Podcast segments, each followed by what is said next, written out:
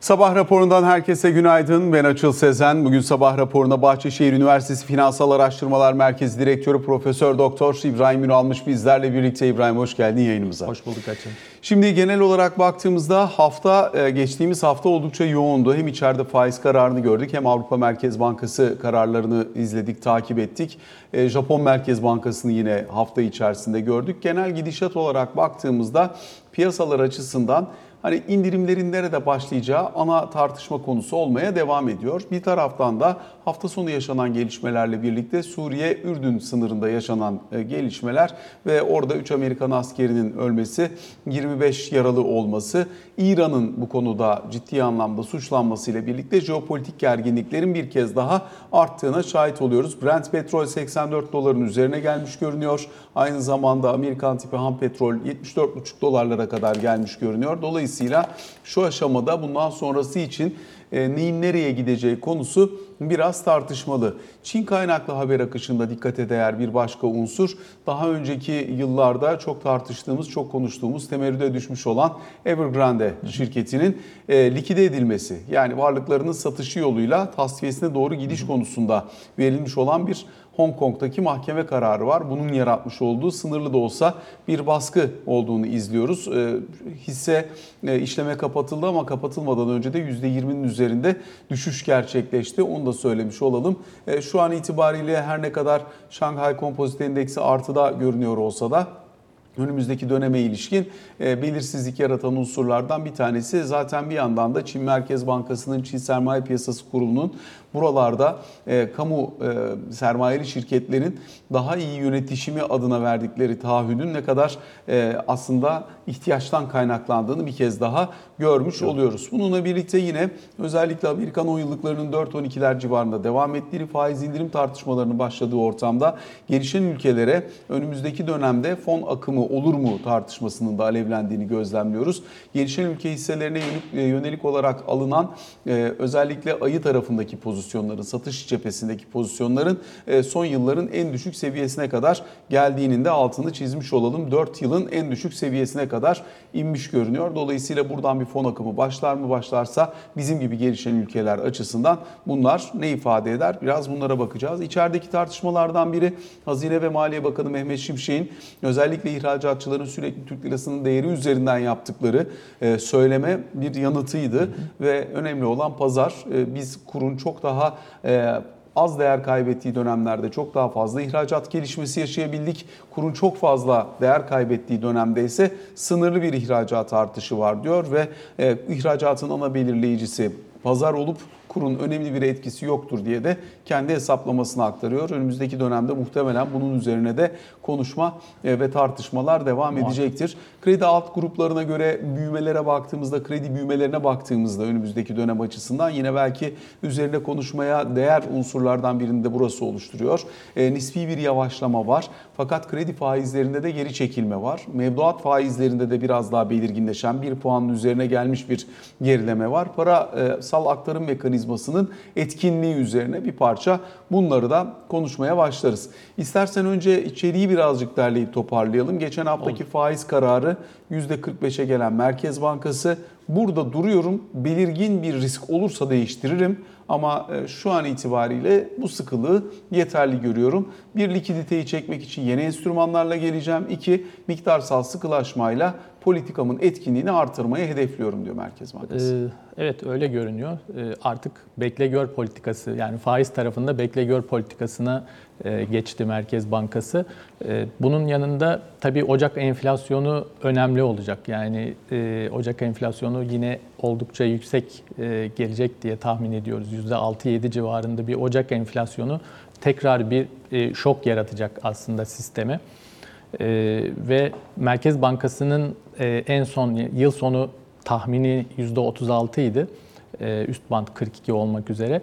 E, bu tahminin içerisinde bu kadar yüksek bir Ocak enflasyonu var mıydı yok muydu? Biraz da enflasyon raporunda e, göreceğiz. Enflasyon raporunda yıl sonu tahminini Merkez Bankası değiştirecek mi, değiştirmeyecek mi? Ya da burada bir sözlü anlatımda mı bulunacak? Bunu göreceğiz. Bundan sonraki dönemde dediğin gibi likidite konusunda Merkez Bankası muhakkak bazı adımlar atacak diye düşünüyoruz. ama e, daha çok özellikle e, yerel seçimlerden sonra makro ihtiyati politikalarla e, tüketimi biraz daha baskılama konusunda e, kararlar alınması muhtemel. Özellikle kredi kartı ile yapılan taksitli alışverişler e, konusu çokça gündeme gelmeye başladı.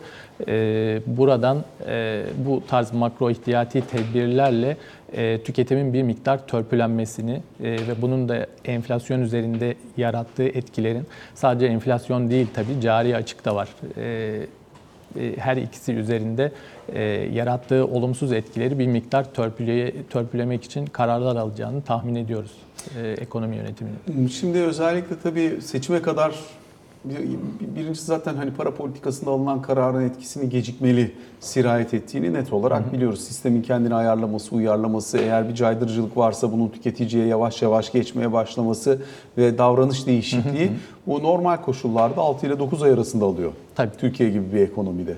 Dolayısıyla hani bunun neresindeyiz sence şu anda? Çünkü sıkılaşma döngüsü 7 ay sürdü. Ee, Bunun e, etkileri muhakkak etkilerini görmeye başladık. Finansal e, koşullar sıkılaşmaya başladı. Ama son geldiğimiz ayda mesela bu ay için hesapladığımızda finansal koşulların e, sınırlı da olsa gevşediğini görüyoruz. Yani bu aya kadar finansal koşullar sıkılaşmıştı giderek. E, hala sıkı bölgede yani bölge olarak hala sıkı bölgede ama e, geçtiğimiz aya göre biraz gevşeme olduğunu söyleyebilirim e, finansal koşullar tarafında. E, bu da tabii e, aktarım mekanizması açısından e, bir handikap olarak düşünülebilir. E, bunun dışında e, geçtiğimiz dönem e, bundan önceki 4 sıkılaşma periyoduna baktık. E, 2012'den bu yana, 2010 yılından sonra e, gözlemlediğimiz 4 sıkılaşma periyodu içerisinde e, mevduat faizlerindeki artış yani 1 puanlık Merkez Bankası faizi artışına karşılık mevduat faizindeki artış şu anda en düşük düzeyde. E, Dolayısıyla Daha önce nerelerde olmuş, şimdi Ee, ne kadar düşük? e, 0.6-0.7 yani 1 puanlık Merkez Bankası e, faizindeki bir yüzde puanlık artışa karşılık 0.6-0.7 gibi e, artışlar yaşanırken e, daha önceki sıkılaşma dönemlerinde şu anda 3 aylık 3 aya kadar olan mevduatta 0.3. E, Dolayısıyla mevduatın verdiği tepki biraz zayıf kaldı e, geçtiğimiz sıkılaşma dönemlerine göre. E, Ama e, en fazla sıkılaşan tarafı da ticari tarafta görüyoruz. Onun bir nedeni de baz etkisi. Yani sıkılaşmanın başında makro ihtiyati tedbirler nedeniyle e, ticari kredi faizleri zaten olması gerekenin çok altında olduğu için e, ve bu makro ihtiyati tedbirlerin de ortadan kaldırılmasıyla birlikte e, baktığımızda geçmiş dönemlere göre çok daha fazla ticari tarafta faiz artışı olduğunu görüyoruz sıkılaşmanın başına göre. Ama bu biraz baz etkisinden. E, fakat muhakkak etki yarattı yani e, ticari e, tarafta gördüğümüz %50-60 civarındaki kredi faiz oranları muhakkak şu anda bir sıkılaşmaya e, neden oluyor sistem içerisinde. E, burada asıl e, handikap yaratan taraf mevduat tarafı yani para politikasının aktarımını zayıflatan, e, tüketiciyi tasarrufa yönlendirmesi gereken mevduat tarafının biraz geride kalması şu anda tüketimi canlı tutuyor. Cari açığı hala e, düşürmemizi engelliyor. E, burada e, belki seçimlerden sonra biraz daha e, daha önceki dönemlerle uyumlu bir e, para politikasından mevduat faizlerine e, geçiş dönemi görebiliriz diye düşünüyorum. Şimdi özellikle işin içerisinde e, hani bir- biraz önceki hesabı e, netleştirmek açısından söylüyorum. Sonuçta Türkiye'de e, Haziran ayı itibariyle baktığımızda işte 13-14 puan civarında bir mevduat faizi vardı. E, şu anda mevduat faizi hani 40 38-40 arasına gelmiş gibi görünüyor. Dolayısıyla aslında hani fena etki olmadı başlangıç itibariyle çok daha kuvvetli bir etki de gördük. 50'lerin üzerinde gördük yıl sonu etkisiyle vesaireyle ama dönemsel mi görüyorsunuz bunu yoksa hani hakikaten e, etkinliği azaltıcı başka faktörlerin etkisi daha baskın mı diyorsunuz? Hani çünkü hani katsayı olarak daha fazla bir katsayı gösteriyor hani rakamsal olarak bakınca. Şimdi burada e, mevsimsellik yani özellikle yılbaşı etkisi biraz e, mevduat faizleri üzerinde etkili oldu diye düşünüyoruz.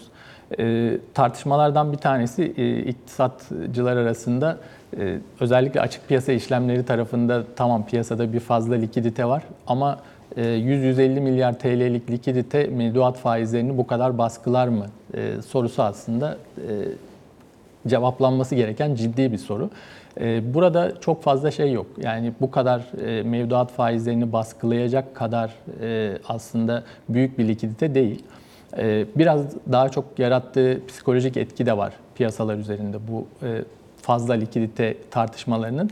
E, Çünkü fazla likidite açık piyasa işlemleri tarafında var. Diğer taraftan swap tarafından Merkez Bankası 1.2 trilyon TL fonluyor piyasayı. E, Toplama baktığınızda aslında ciddi bir likidite açığı var piyasada. Yani Merkez Bankası'ndan piyasa sürekli e, önemli miktarda borç almak zorunda.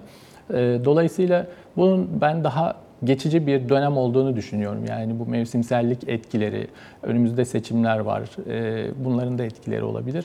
Dolayısıyla e, daha bahar aylarında biraz daha mevduat faizlerinde daha rekabetçi TL faiz oranları görmek mümkün olabilir. Özellikle tabii kredi büyümesinin aşağıya gelmeye başlamış olması da önemli. Sonuçta kaynağı topladığında yüksek de bir maliyetle topluyorsun. O kaynağı topladığında eğer plase edeceğin bir yer yoksa o da aslında banka olarak Tabii senin elinde zayıflatan unsurlardan bir tanesi. Doğru, mu? Doğru. Peki kredi faizleri için ne söylersin? Çünkü burada tabii bireysel kredide zaten çok aşkın seviyelere gelinmiş durumda. Burada bir sıkıntı yok. Bu konuda verilen mesajı, tüketimin kısılması yönündeki mesajı bankalar almış görünüyorlar. Ee, Bir tek kredi kartı harcamaları ön planda kalmaya devam ediyor ama onun dışındaki bireysel kredilerde ciddi bir yavaşlama var. Şimdi seçim öncesinde de kredi kartlarına dönük çok doğrudan bir hamle kısa vadede gelir mi gelmez mi herhalde ona da Gel- bakmak lazım. Evet, pek geleceğini zannetmiyoruz orada Seçim da. sonrası biraz daha fazla e, beklenmesi lazım anladığımız kadarıyla. E, ne dersin burada hani şu anda konut kredisi faizlerine bakıyorum mesela %52-53'lere gel e, ticari kredilere bakıyorum %52-53'lere gelmiş. Tüketici kredilerinde %60'lar, ihtiyaç kredilerinde %62'ler. Bunlar çok ciddi rakamlar. Yüksek. Dolayısıyla e, hani kredi bacağında yavaşlamayı sağlamak mümkün de tabii ücret artışlarından gelen ivmeyi görüyoruz tüketim tarafında. Muhakkak, muhakkak. Ee, Şimdi kredi tarafında tabii e, yaz ortasına kadar muhtemelen biz bu faizlerle devam edecek piyasa. Ee, Ama özellikle e, Temmuz ayından itibaren, Temmuz ve Ağustos ayında o yaşadığımız %10'a yakın enflasyon rakamlarının aslında e, enflasyon hesabından çıkmasıyla birlikte yani baz etkisinin de desteğiyle e, enflasyonun aslında o dönemde e, hızlı bir şekilde düştüğünü göreceğiz. E, tabii bu dönem yani böyle bir e, ortamda bankalar muhakkak e, daha öncesinden kredi arzını artırmak isteyeceklerdir böyle bir durumda. E, böyle bir rekabet ortamında da e, dediğim gibi yaz aylarından itibaren kredi faizlerinde bir miktar düşüş e, görmek mümkün. E, sonrasında tabii sen sormadan ben konuya gireyim. Merkez Bankası ne zaman faiz indirimini düşünmeye başlar, ne zaman faiz indirir? Haliyle bu enflasyondaki hızlı düşüşün düşüş nedeniyle Merkez Bankası muhakkak artık yaz aylar- aylarının başında yani Haziran ayından itibaren e, yavaş yavaş e, düşünmeye başlayacaktır e, faiz indirimini. İndirecektir Ee, diye mi de Yok, düşünüyorsun indirimini yoksa düşünmeye başlayacaktır. başlayacaktır. Düşünmeye başlayacaktır Ne kadar peki sence? Ee, muhtemelen 1-2 ay düşündükten sonra e, Merkez Bankası artık Temmuz ayı ya da Ağustos ayında yani e, yaz aylarının sonunda artık e, faiz indirimine e, gidebilir diye düşünüyorum. Şimdi burada aslında e, birazcık aritmetik üzerine de belki değerlendirme yapmak lazım. Hani sonuçta e, şu anda döngüyü daha yeni tamamladım deyip bunun sonucunu tam olarak net bir biçimde görmeden faiz indirimini tartışmak bana çok anlamlı gelmiyor. Çünkü Aynen çok öyle. tartışılıyor. E, Çok da anlamlı bulmuyorum. Çünkü hani faiz ancak sonucunu aldıktan sonra indirilmeye başlanır. Yani ve bizde de e, hani Amerika'da da benzer şeyler oluyor. Sadece bizde değil ama e, işte Avrupa için de aynı şeyi söyleyebiliriz. Artırım döngüsünün etkisinin hissedilmesi biraz önce konuştuğumuz gibi gecikmeli oluyor. Bizde bir de matematiksel olarak da baktığında Temmuz-Ağustos enflasyonları çok kuvvetli. Dolayısıyla hani e, ben indirecek olsam, indirmeye meyyal bir e, bakış açısına sahip olsam hani bir süre bekler düştüğünü görür. Çünkü oralarda çok kuvvetli 2 aylık enflasyonun da düştüğünü görür. Evet artık düşüş döngüsüne girdik deyip ondan sonra e, gitmeyi tercih ederim ama bilmiyorum ne dersin? Yani işte Son aslında- çeyrek belki biraz daha yılın sonuna doğru. E, Aslında aynı şeyi söylüyoruz. Yani Haziran ayından itibaren düşünmeye başlayıp e, o enflasyon düşüşlerini gördükten sonra yani piyasada da bu realize olduktan sonra Merkez Bankası artık diyebilir. Zaten dediğin gibi bir aktarım mekanizmasının e, zaman alıyor bunun etkileri. E, biz e, Eylül ayından itibaren yavaş faizleri indirmeye başlasak bunun zaten ekonomi üzerindeki etkileri daha 6-9 ay gibi zamanlarda görülmeye başlayacak. O yüzden ben Eylül ayından itibaren Merkez Bankası'nın küçük küçük faiz indirimi dönemine gireceğini düşünüyorum. Peki özellikle bu süre zarfında hem birincisi kur politikası üzerinde nasıl bir tablo beklersin? İkincisi de e, bu yavaşlamada tolerans eşiğimiz neresi? Yani çünkü şu an itibariyle geldiğimiz noktada hala canlı bir ekonomik aktivite olmaya devam ediyor.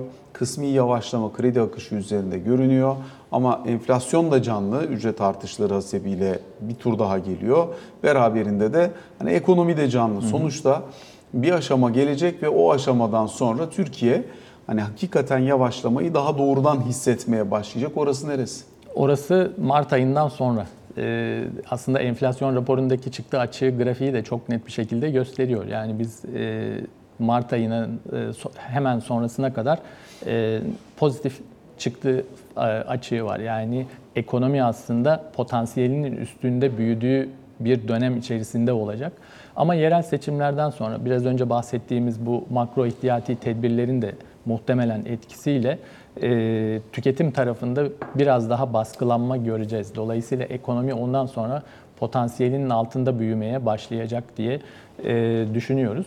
E, burada tabii e, kur tarafında ne olur? E, kur tarafında tamamen serbest kalma e, ya da bırakma gibi bir lüksümüz yok mevcut durumda. Yani böyle bir e, bir yandan enflasyon e, tarafını kontrol etmeye çalışırken e, Türkiye'de e, kuru tamamen serbest bırakıp e, kendi haline bırakamayız. E, Dolayısıyla Merkez Bankası'nın da özellikle talebin geldiği bu KKM dönüşleri zamanında e, gelen talepleri karşıladığını söylüyor Merkez Bankası. Bu tarz taleplerin geldiği dönemde e, piyasadaki ihtiyacı karşılaması muhtemelen önümüzdeki dönemde devam edecek. E, Ve daha önce bakan, Sayın Bakan'ın açıklamaları vardı.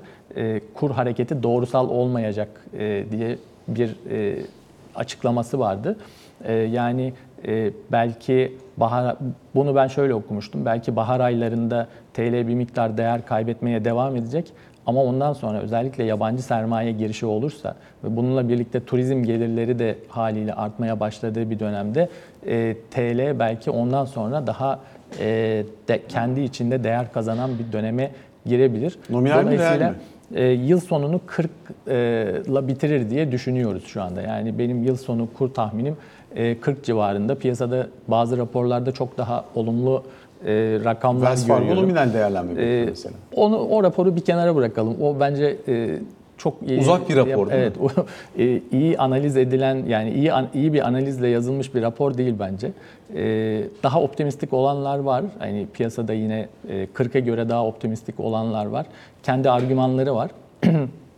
E, o senaryo gerçekleşirse gerçekten TL daha değerli bir şekilde bitirebilir yılı. Ama benim kendi senaryo senaryolarım çerçevesinde ben 40 ile bitiririz diye düşünüyorum yılı. Yani özellikle tabii e, diyelim ki çok kuvvetli bir sermaye girişi oldu Türkiye'ye. Bu sermaye girişinin de Türk lirasının işte piyasaya girmesi, Türk lirasının değerini daha aşağıya itmesi vesaire gibi senaryolar biraz Merkez Bankası'nın rezerv durumuyla da ilintili. Tabii. Çünkü rezerv bacağında biz hani yılın son iki haftasında biraz daha belirginleşmiş bir kurumsal talebin yılın başlamasıyla birlikte de belli ölçüde e, rezerv kaybına neden olduğunu anlıyoruz. Yani onu herhalde görmek lazım. Merkez Bankası da kendini güvende hissedebilmek için muhtemelen bir miktar rezervini kuvvetlendirip ondan sonra gelecek olan kaynak neyse onun piyasa üzerindeki etkisini serbestleştirmeyi düşünecektir. Ee, Şimdi Merkez Bankası fırsatını bulduğu anda rezerv biriktirdiğini gördük biz yılın e, Aralık ayında özellikle. E, Sonrasında ortaya çıkan e, dediğin gibi bir kısmı kurumsal talep, bir kısmı bireysel talep, özellikle e, kur korumalıdan dönüşlerdeki e, döviz talebini Merkez Bankası karşıladı bu dönemde ve e, 6 milyar dolarlık bir rezervde düşüş meydana geldi bunun neticesinde. E, Mevcut yapıda bu normal. Yani bununla ilgili bir yazı da kaleme almıştım. Özellikle 2010 yılından itibaren biz rezervleri aktif olarak aktif politika aracı olarak kullanmaya başladık. Önce rezerv opsiyon mekanizması geldi e, Türkiye'de. E, rezervlerin oynaklığına bakarsanız 2010 yılından itibaren oynaklığı yavaş yavaş artıyor Türkiye'de. Yani e, aşağı doğru gidiyor, yukarı doğru gidiyor ama e, belli bir e, seviyeyi koruyor. 2018 yılından sonra da daha aktif bir politika aracı olarak kullandığımız için e, şu anda gelişmekte olan ülkelerle karşılaştırdığımızda en yüksek oynaklığa sahip rezerv e, yapısına sahip ülkelerden biriyiz. E, Dolayısıyla bu normalde doğal bir sonuç. Yani biz rezervi eskisi gibi yani birikti, e, rezervi biriktirelim, bu bir kenarda dursun demiyoruz. Daha önce çok daha pasif bir rezerv yönetimi ve kullanımı politikası vardı. Şimdi rezerv politika setinin bir aracı. E, Dolayısıyla bu tarz oynaklıklar rezervde arz talep durumuna göre ben normal diye düşünüyorum artık. Bunun belirli bir vadede normalleşmesini bekler misin? Eğer rasyonel politikaya geçiş stratejisi üzerinden konuşuyorsak. Sonuçta elbette e, rezervin, yani Türkiye'de yapısal bir cari açık var. Bu yapısal cari açık özellikle fon giriş çıkışlarının veya döviz likiditesinin e, farklı tepkiler gösterdiği dönemlerde farklı şekilde likidite yönetimi için kullanılıyor. Ha, daha önceki dönem Türkiye'deki bütün sıcak paranın tamamını e, buradan e, yolculamak için, onu finanse etmek için kullanıldığı dönem hariç. Yani o çok sıra dışı bir dönem oldu. E, Daha sonrasındaki dönemde de zaten rezervin yetmediği, hatta çok negatife gittiği yerde de biz sermaye kontrolü benzeri hareketlerle bu süreci yönetmeye çalıştık. Yani aslında o sistemin bizi çok bir yere taşıyamadığını ve tıkanması halinde ülkede işte bazen spot kurla e, bankalar arası arasında yüzde onlara varan açıklıklara Farklar falan oldu, gittik. evet. Neredeyse ikili kura gidiyordu Türkiye. Yani o yüzden hani onun bizi taşıdığı yerin ne kadar vahim olduğunu çok net gördük. Bu rezerv politikası bir aşamadan sonra sadece dönemsel likidite koşullarına göre kendini uyarlamanın ötesinde bizim hakikaten güvenli liman olarak kendimize bıraktığımız bir yere dönüşür mü? Devlet bir kere bir uygulamaya başladığında ya da bir yeri bir kere kullanmaya başladığında orayı bırakmak çok kolay olmuyor o alışkanlığı bırakmak. Doğru e, ama buradaki temel e, aslında değişen şeylerden bir tanesi e, faiz politikasıydı. Yani siz e, TL'nin e, fiyatını e, düşük tutmak iste- istediğinizde Miktarıyla oynamak zorunda kalıyorsunuz. e, hali, istemez. haliyle oluşan döviz talebini bir şekilde karşılamanız lazım. O zaman da rezerv politikası aktif olarak kullanılmak zorunda kaldı. E, Eğer biz e, TL'nin değerini belirleme konusunda e, daha Merkez Bankası e, piyasa koşullarına göre karar alma dönemine girerse ki girdi, önümüzdeki dönemde aslında giderek özellikle KKM belli bir dönem sonrasında tasfiye olabilirse biraz daha e, ekonomi yönetiminin rezerv yönetimi konusunda bence rahatlar. E, Dolayısıyla çok daha rezervdeki oynaklıklar çok daha makul seviyelere gelebilir. Buradaki temel konu aslında TL'nin fiyatının doğru belirlenmesi. Bir tarafıyla da aslında şu anda yastık vazifesi gördüğü için fena fonksiyon görmüyor. Bitmesi lazım elbette yani. Hani böyle bir e, makuliyeti de kalmadı aslına bakacak olursak. Bir de şunu sorayım sana. Hani KKM'den evet Türkiye'nin çıkması gerekiyor. Hani TL KKM zaten bitti bitiyor. Ee, işte Bankalar Birliği Başkanı Alparslan Çakar'la bir sohbet ettiğimiz toplantıda dedik Şubat ayında muhtemelen biter. %5'e indi zaten. Ee, ama döviz dönüşümlüğe baktığımızda işte. burası devam edecek gibi görünüyor. Bu da normal koşullar altında elbette bir baskı e, kur yukarıya sıçrayacak olursa Merkez Bankası'nın üzerinde yaratacağı bir maliyet de var. Geçtiğimiz yılda bunu çok net olarak belli ölçüde görüyoruz. Hem e, bütçe rakamları üzerinde de önemli ölçüde etkili olduğunu anlıyoruz. Merkez Bankası'nın zararı üzerinde de etki yarattığını anlıyoruz. E, fakat şimdi tabii politika faizi 45'e geldiği için aslında kur korumalı mevduat tarafında verilen e, taahhütte e, ciddi anlamda yumuşamış durumda. Yani hani normalde aslında şu anda zarar yazdığı bir ortam yok e, kur korumalı mevduatın.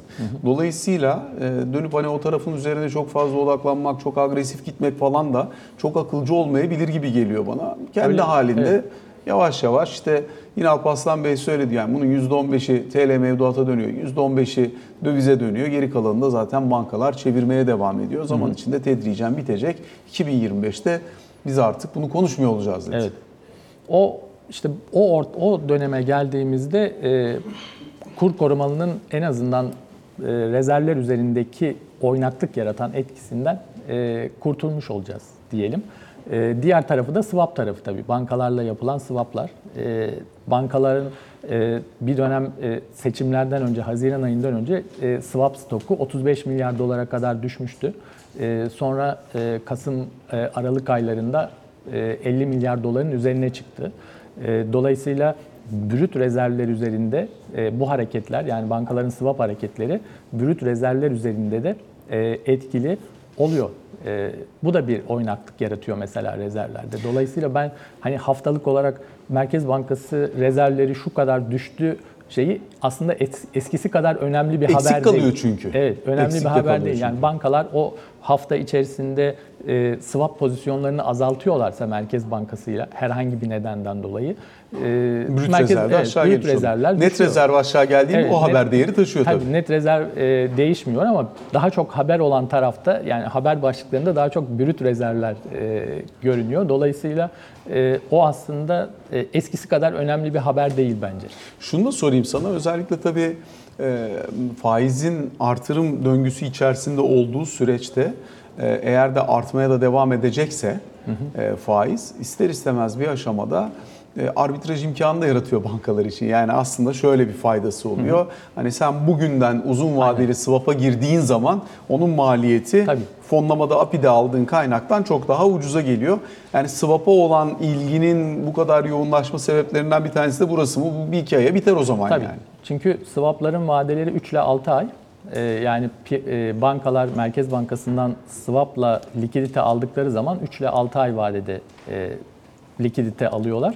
E, ama diğer taraftan açık piyasa işlemlerinde haftalık vadede alıyorlar. Dolayısıyla 3 ayda mevcut faizlerin arttığı bir ortamda 3 aylık paranızı e, %42,5'tan mesela geçen hafta aldıysanız 3 aylık fonlama maliyetiniz bu. Ama bu haftadan itibaren 45 oldu.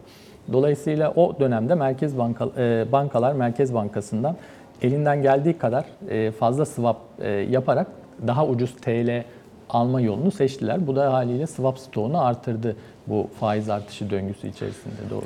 Bir aşamada fonlamanın önemli bir kısmının bu tarafa dönme, API'ye dönme, haftalık repoya dönme olasılığını nasıl görüyorsun? Yani tabii bu bir tercih meselesiydi. Hani biz yurt dışına e, swap kanalıyla para gitmesin. Çünkü bir aşamada işler e, tersine döndüğünde TL aleyhine pozisyon alınıyor dedik. Bankalarda bu kanalı zaten ister istemez uzun vadeli TL yaratmak için kullanıyorlardı. Şu anda mevduatın vadesi kabaca 60 gün, kredilerin vadesi ortalama 18 ay. Dolayısıyla, e, dolayısıyla hani böyle bakıldığında bu ikisi arasındaki e, dengeyi kurmak açısından hakikaten bir aşamada bankacılık sisteminin uzun vadeli fonlama ihtiyacı var. Evet. Merkez Bankası da ben bunu vereyim. Yani Londra'ya gitmeyin ben sağlayayım size diyerek böyle bir yapı kurdu, kurguladı. Hem vade uyumsuzluğu açısından ve bunun yönetimi açısından baktığında hem de bankaların orta uzun vadeli isteği ve bunun parasal aktarım mekanizması üzerindeki yansıması açısından ne dersin? Şimdi aslında e, zor ve değişik bir mekanizma var. E, bankaların bankalarda önemli miktarda döviz tevdiat hesabı var. Ama kredi talebi yok. Yani döviz cinsinden kredi talebi düşük. Dolayısıyla bankalar topladıkları bu döviz tevdiat e, hesaplarını ne yapsınlar? Bunu nasıl yönetecekler? 2018 yılından önce e, yurt dışıyla swap yaparak aslında e, döviz verip TL alarak yurt dışından normalde çok bilinen ve beklenen bir şey değildir ama e, yurt dışıyla aslında gerçekten yurt dışına döviz verip e, TL alıyordu e, bankalar ve e, dediğin gibi 5 yıl vadede swap e, yapılabiliyordu Londra ile. E, ve o dönem açılan e, konut kredilerinin Çoğu bir böyle kısmı da, zaten. Evet, e, bu şekilde aslında bankalar tarafından finanse ediliyordu. Ama 2018 yılında yaşadığımız Rahip Brunson krizi sırasında aslında yurt dışında bu kadar yüksek miktarda TL olmasının e, gerçekleşecek bir olumsuz negatif şok karşısında TL e, ciddi bir döviz talebi yarattığını ve bunun da aslında e, ekonomiyi olumsuz yani hem ekonomiyi hem finansal piyasaları olumsuz e, etkilediğini değerlendirdi ekonomi yönetimi ve dedik yani biz artık e, bu piyasayı e, kullanmayalım. E, bankalar Merkez Bankası'yla e, swap yapsınlar. Dolayısıyla e, biz o piyasayı aslında kuruttuk bir anlamda. E, ama dediğin gibi uzun vadeli bankaların fon bulma şansı da kalmadı. Yani burada 3, 6, 3 ya da 6 ay vadede en fazla e, Merkez Bankası'ndan swapla e, kullanabiliyor, TL bulabiliyor bankalar. E, eğer bu piyasa açılır mı? E, bu piyasanın açılabilmesi için e, yine e, Türk lirasının fiyatının yani faizin e, çok esnek bir şekilde kullanılabiliyor olması lazım. Yani Seçim e, sonrasında bekliyoruz. yani bu bir noktada özellikle yabancı yatırımcının gelmesini istediğimiz bir ortamda bir noktada çok kademeli bir şekilde gerçekten kontrollü bir şekilde aç- e, açılabilir diye düşünüyorum e, swap piyasası. E, burayı açacağız ama çok kademeli ve kontrollü bir şekilde ol- olması lazım. Fon akımı açısından nasıl görüyorsun? Programın başında aktardım. Özellikle gelişen ülkelere ilişkin oldukça negatif bir bakış açısı vardı. Bunun yumuşadığını, gelişen ülkeler aleyhine alınan pozisyonların artık lehine doğru döndüğünü. Dolayısıyla hani orta uzun vade açısından eğer faiz indirimleri de başlayacaksa bunun bir parça bu bölgelere olan alokasyonu artırabileceğini konuşuyoruz. Nasıl değerlendiriyorsun? Ee, ne kadar bir ilgi bekliyorsun Doğru Türkiye'ye? tabii şimdi e, tarihsel olarak baktığımızda gelişmiş ülke merkez bankalarının sıkılaştığı, para politikasının sıkılaştığı dönemde gelişmekte olan ülkelere olan fon akımları azalıyor. E, şimdi bu ülkelerde, gelişmiş ülkelerde artık e, faizde zirvenin görüldüğünü, önümüzdeki dönemde artık e, gevşemenin konuşulduğu bir dönemdeyiz. Dolayısıyla e, gelişmekte olan ülkelerin lehine, finansal akımlar anlamında söylüyorum, lehine bir dönem yaşanacak önümüzdeki dönemde. Burada e, işte Avrupa, Amerika e, farkı ortaya çıkacak. Şimdi yıl sonu e, merkez bankaları faiz tahminlerine baktığımızda Amerika'da %4, Avrupa'da %2,5 gibi bir e, tahmin var. E, böyle olunca e, acaba fonlama tarafında yani e, bu paralar genelde e, borçlanılarak yani yatırımcıların borçlanarak aslında e, getirdiği, gelişmekte olarak olan ülkelere getirdiği paralar. Dolayısıyla önümüzdeki dönemde e, Euro'nun biraz daha fonlama e, parası olarak ortaya çıkacağı, fonlama kaynağı olarak ortaya çıkacağı ve gelişmekte olan ülkelere doğru bir e, akımın olacağını tahmin etmek, söylemek mümkün. Daha önce yen çok e, bu konuda avantajlıydı. Çok daha düşük faize sahip olduğu için. E, geçen hafta da konuştuk. Artık e, Japonya'da bile fa- bir faiz artışı e, şeyi var, tartışması var. Ama diğer gelişmiş ülkelerde e, faizlerin düşeceğini öngörüyoruz. Faizlerin düştüğü bir ortamda e, daha yüksek getiri arayan e, yatırımcılar muhakkak gelişmekte olan ülkelere doğru gelecekler. Tabi burada neye bakacaklar? En başta makroekonomik dengelerin e, yerinde olması, yani e, sağlıklı makroekonomik dengesi olan e, ve bu dengeyle birlikte iyi e, e, getiri e, öneren, gelişmekte olan ülkeler muhakkak ön planda olacaklar. Ama ama jeopolitik gelişmeler ve e, bir de seçimler var. Örneğin e, Trump seçilirse Meksika'nın durumu ne olacak? Herkes çok merak ediyor. E, çünkü Meksika için e, olumsuz bir haber olacak. E, o e, Trump'ın seçilmesi durumu. Ama e, şeye kadar, e, sonbahar aylarına kadar yani Amerika'daki seçimler sonuçlanana kadar yine de gelişmekte olan ülkelere e, fon akımlarında bir miktar artış olacağını düşünüyorum. Bir virgül koyalım. Sohbetimize kısa bir aranın ardından kaldığımız yerden devam edelim.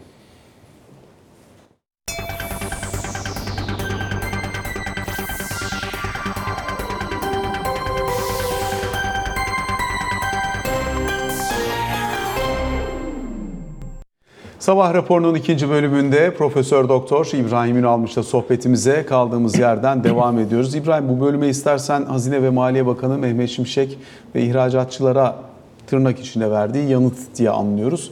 Ee, bu yanıt üzerinden konuşalım. Diyor ki biz ihracatı desteklemeye devam ediyoruz. Her şekilde de desteklemeye devam edeceğiz. Fakat ihracatçıların tartışmayı sürekli kur üzerinden götürmesi çok makul ve mantıklı değil. Zira biz diyor 2003-2013 döneminde nominal kur sepeti yıllık ortalama %3.3 e, artarken reel ihracatımız %7.1 arttığını gördük. 2018-2023 Türk lirasının aşırı değer kaybettiği ortamda kur %36 arttı. İhracattaki artış sadece %5 oldu. Dünyada ticaretten daha fazla pay almayı hepimiz istiyoruz. Ancak burada önemli olan pazardır, kur değildir diyor. Ne dersin? Ee, bu yıllardır söylediğimiz, e, arkasında durduğumuz bir aslında gerçeklik. Ee, Bununla ilgili Merkez Bankası'nda iki tane önemli çalışma var. Merkez Bankası ekonomistleri tarafından e, yapılan iki önemli çalışma var. Ee, Her ikisi de çok net bir şekilde gösteriyor ki e, özellikle Avrupa'ya ihracatımızda e, Avrupa'nın gelir esnekliği fiyat esnekliğine göre çok yüksek. Yani Avrupa'da gelir arttığı zaman biz Avrupa'ya daha çok ihracat yapabiliyoruz. TL'yi değersizleştirerek Avrupa'ya olan ihracatımız aslında çok önemli miktarda artmıyor bu değer kayıpları sonrasında.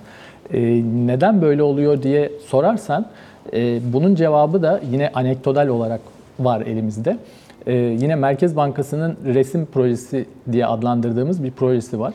E, her ay e, Merkez Bankası reel sektörden e, çeşitli firmalarla e, hatırladığım kadarıyla binin üzerinde firma ile görüşme yapıyor. Ve buradan anekdotal olarak öğrendiğimiz şey şu idi. E, TL değer kaybettiği zaman ihracatçı bir rekabet avantajı kazanıyor. Ee, ama bir de bunu bu malı satın alan var karşı tarafta. Satın alan diyor ki e, sen senin şimdi bir rekabet avantajın oldu. E, sen biraz indirim yap bize e, bu fiyat üzerinden. Dolayısıyla birkaç ay süren bir e, rekabet avantajı belli bir süre sonra e, normalleşiyor. Yani eski halinize dönüyorsunuz. Anekdotal olarak bildiğimiz kadarıyla. E, bu etki yani TL'deki değer kaybının aslında kur, e, ihracatımızı artıramamasının sebep önemli sebeplerinden bir tanesi bu. E, karşı taraftakiler yani bizim ürünlerimizi satın alanlar e, indirim istiyorlar. Yani e, buradaki şey de temel sahipte e, yaptığımız ihracat tarafında önemli rakiplerimiz var. Yani senden almam e, başka birinden alırım diyebiliyor. E, burada çok e, hani birçok e, sattığımız üründe özellikle tekstil tarafında e, Mısır gibi Çin gibi rakiplerimiz olduğu için e, elimizde çok güçlü değil. E, o yüzden de bu indirimi yapmak zorunda kalıyoruz. Dolayısıyla Sayın Bakan'ın e, açıklamalarına ben sonuna kadar katılıyorum. E, elimizdeki bütün hani akademik çalışmalar da bunu gösteriyor. Mevcut yapıda yani katma değeri düşük olan bir ihracat yapısında karşı tarafın yani bizim ürünlerimizi satın alanların geliri daha önemli. Bizim yarattığımız kurla yarattığımız fiyat rekabetine göre. İbrahim çok teşekkür ediyoruz. Bizlerle birlikte oldun ve sorularımızı yanıtladığın için sabah raporuna böylelikle son noktayı koymuş oluyoruz. Hoşçakalın.